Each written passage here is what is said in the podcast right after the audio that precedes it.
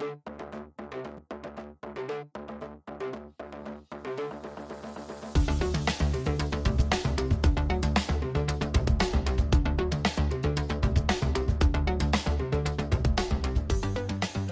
Eh, hei, alle sammen, og velkommen tilbake til Spøkelser etter avdøde størrelser. Det er vel siste episode for sesongen, og episode 17. Og i dag er det jeg, André, som noen kanskje husker fra eh, de første episodene. Och Och så- Niklas Larsson, ja, som har varit med på alla episoderna. Mm. Så i dag skal vi vel ta opp tråden med et spørsmål du eh, stilte i siste episode. Og så skal vi vel bare ha en liten sånn refleksjon over året som har gått og så blir det kanskje en litt kort episode hvor vi bare prater litt uformelt. Ja.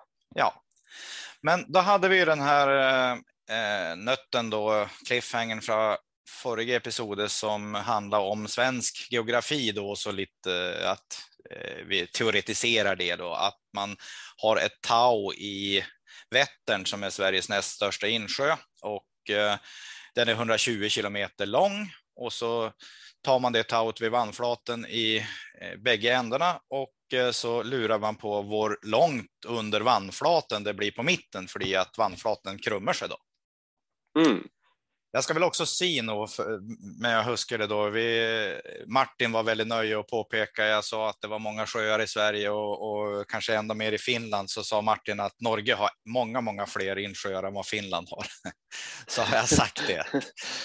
Så när Martin hör det kan du vara förnöjd. Sannsynligtvis är de lite mindre då. Det ligger ju lite i norsk geografi att med myekupering att sjöarna blir mindre och, och finländsk eh, geografi att de blir stora. Mm. Ja, men tillbaka till eh, spörsmålet då. Alltså, vi har en, en cirkelsektor eh, som eh, cirkelbuen då är 120 kilometer. Det är ju rätt och slätt Vannflaten. Och radiusen på den här cirkelsektorn är ju jordradiusen. Och så har vi tauet som en korda. Va, eh, hade du någon gättning när du hörde om det här, André? Eh, nei, eh, jeg hadde faktisk ikke det. Eh, og jeg måtte faktisk sette meg ned, og jeg gjør det igjen bare for å holde oversikt. Tegne litt opp det du eh, for det er ikke så lett å holde i hodet. Men eh, ja, Nej jeg ville jo liksom tenkt at det ble veldig kort avstand, da. Ja, det är ju på någon måte rimligt då eh, att man, man tänker det, att det inte blir så väldigt mycket. Vi vet ju att eh, jorden krummer sig och man vet att horisonten finns där om man inte kan se längre. Och, och självföljligt tar man en mycket längre distans, då kan man ju inse att ja, men då må man ju gå på någon måte rätt genom jorden, så då blir det ju en distans. Men, men vad mycket det blir här, det är ju, det är ju spörsmålet då. Och, och eh, det är väl kanske lättare att förklara det här om man kan tegna då och visa det på bilden, men vi ska pröva att förklara det eh, muntligt. Så vi har ju alltså då en cirkelsektor. Ja, man, man må först bli eniga om vad man ska ha jordradiusen är, för den varierar ju. Så vad tänker du där? Nej, jag tänker nog bara Vi tar utgångspunkt i eh, ett tal och så får det bara vara det som är premisset. Jag syns du nämnde Hva var det? 40 Nei, 4 40 000 kilometer, är det, va? 4 000 mil, är ju en Mm. utgångspunkt man hade som väl också ligger till utgångspunkt för metersystemet. Så det är väl logiskt på någon, när man ska teoretisera det här och på någon måte bruka 40 000 som omkrets då på jorden. Och delt med 2 pi så blir det ett 6 366 kilometer radius.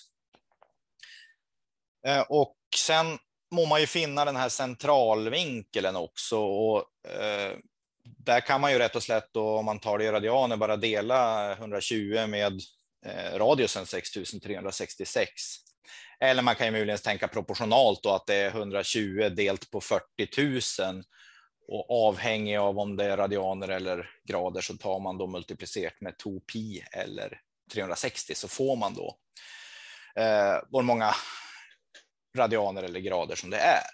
Det blir ju inte så väldigt mycket, men eh, Eh, räknar man ut det då i radianer så får man då ett eh, tall som är 0,0188 omtrent. Då. Eh, tar man det i grader, det har jag faktiskt inte gjort i förkant, men det går väl ganska raskt här, jag har kalkylator. Så, så blir det, eh,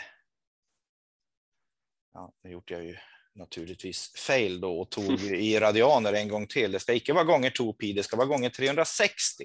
Eh, 1,08 grader, så det är ju icke så där, det är ju icke uväsentligt, men det är självföljande en väldigt liten del av, av jorden. Mm.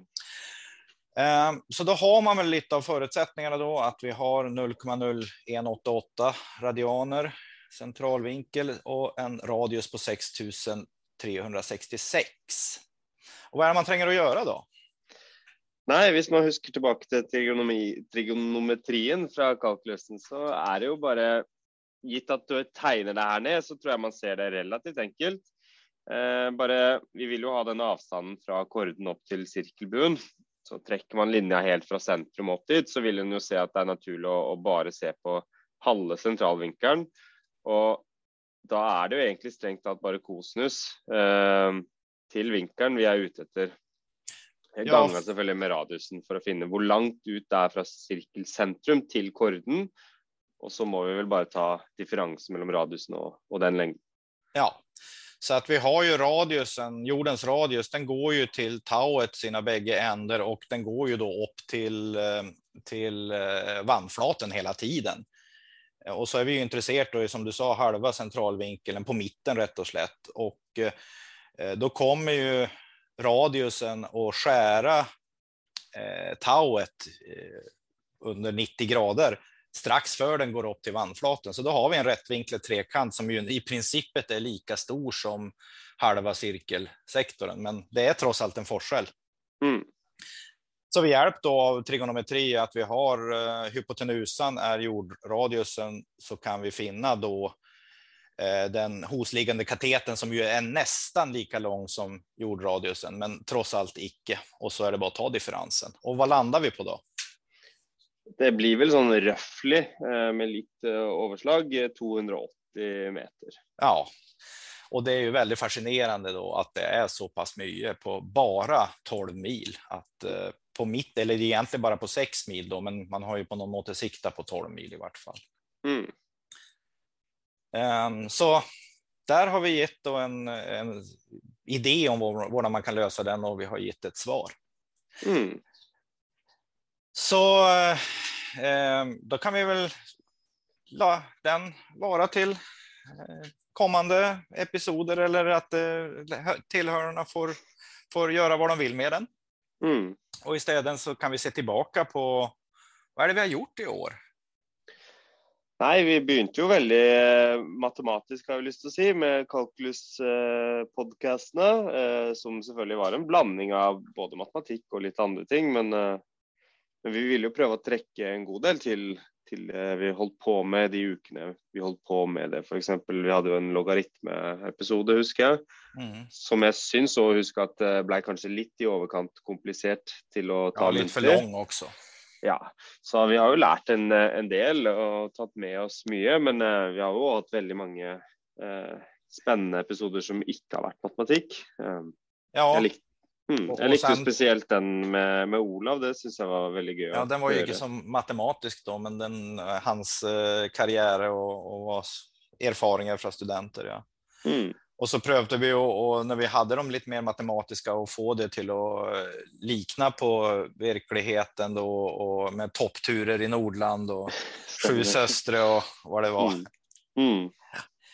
Eh, Och så hade vi en episod, sista episoden på hösten var ju med eh, Marjan då med eh, lite tips för eh, examen.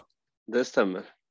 Sen blir det ju en annan typ av examen då än vad det var tänkt, men det den kan ju funka att förbereda oss på samma måte lika väl. Ja, Jeg tror vel det kom fram, hvis jeg husker riktig, en god del generelle prinsipper som eh, vil fungere uavhengig av type og eh, eksamen man har. Så.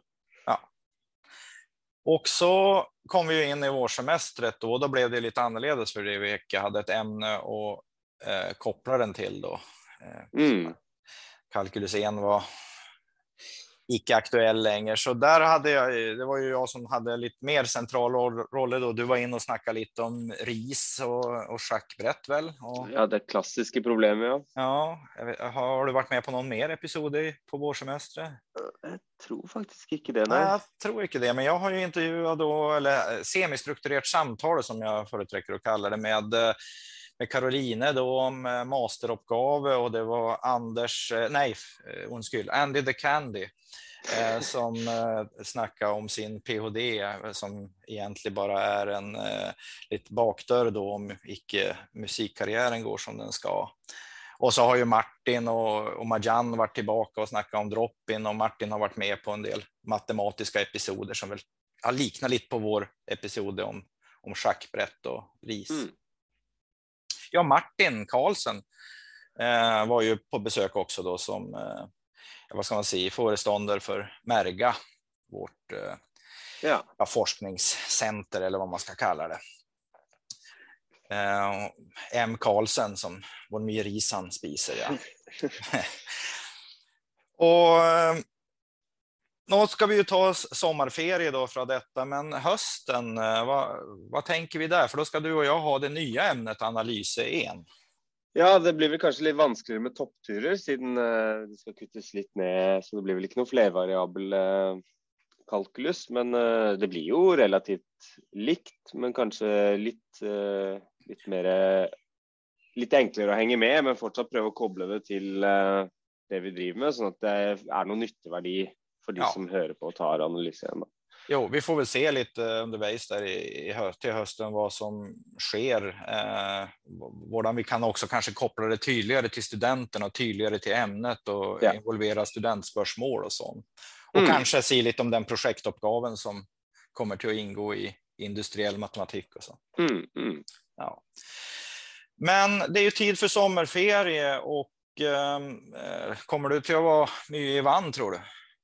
Ja, man kommer ju inte utenom det. Jag har en liten guttunge på tre år som älskar vann, så då må jag väl ja. nästan. Ja, och jag älskar också vann då, så jag kommer väl i vart fall om det blir varmt så kommer jag vara en del i vann, det tror jag.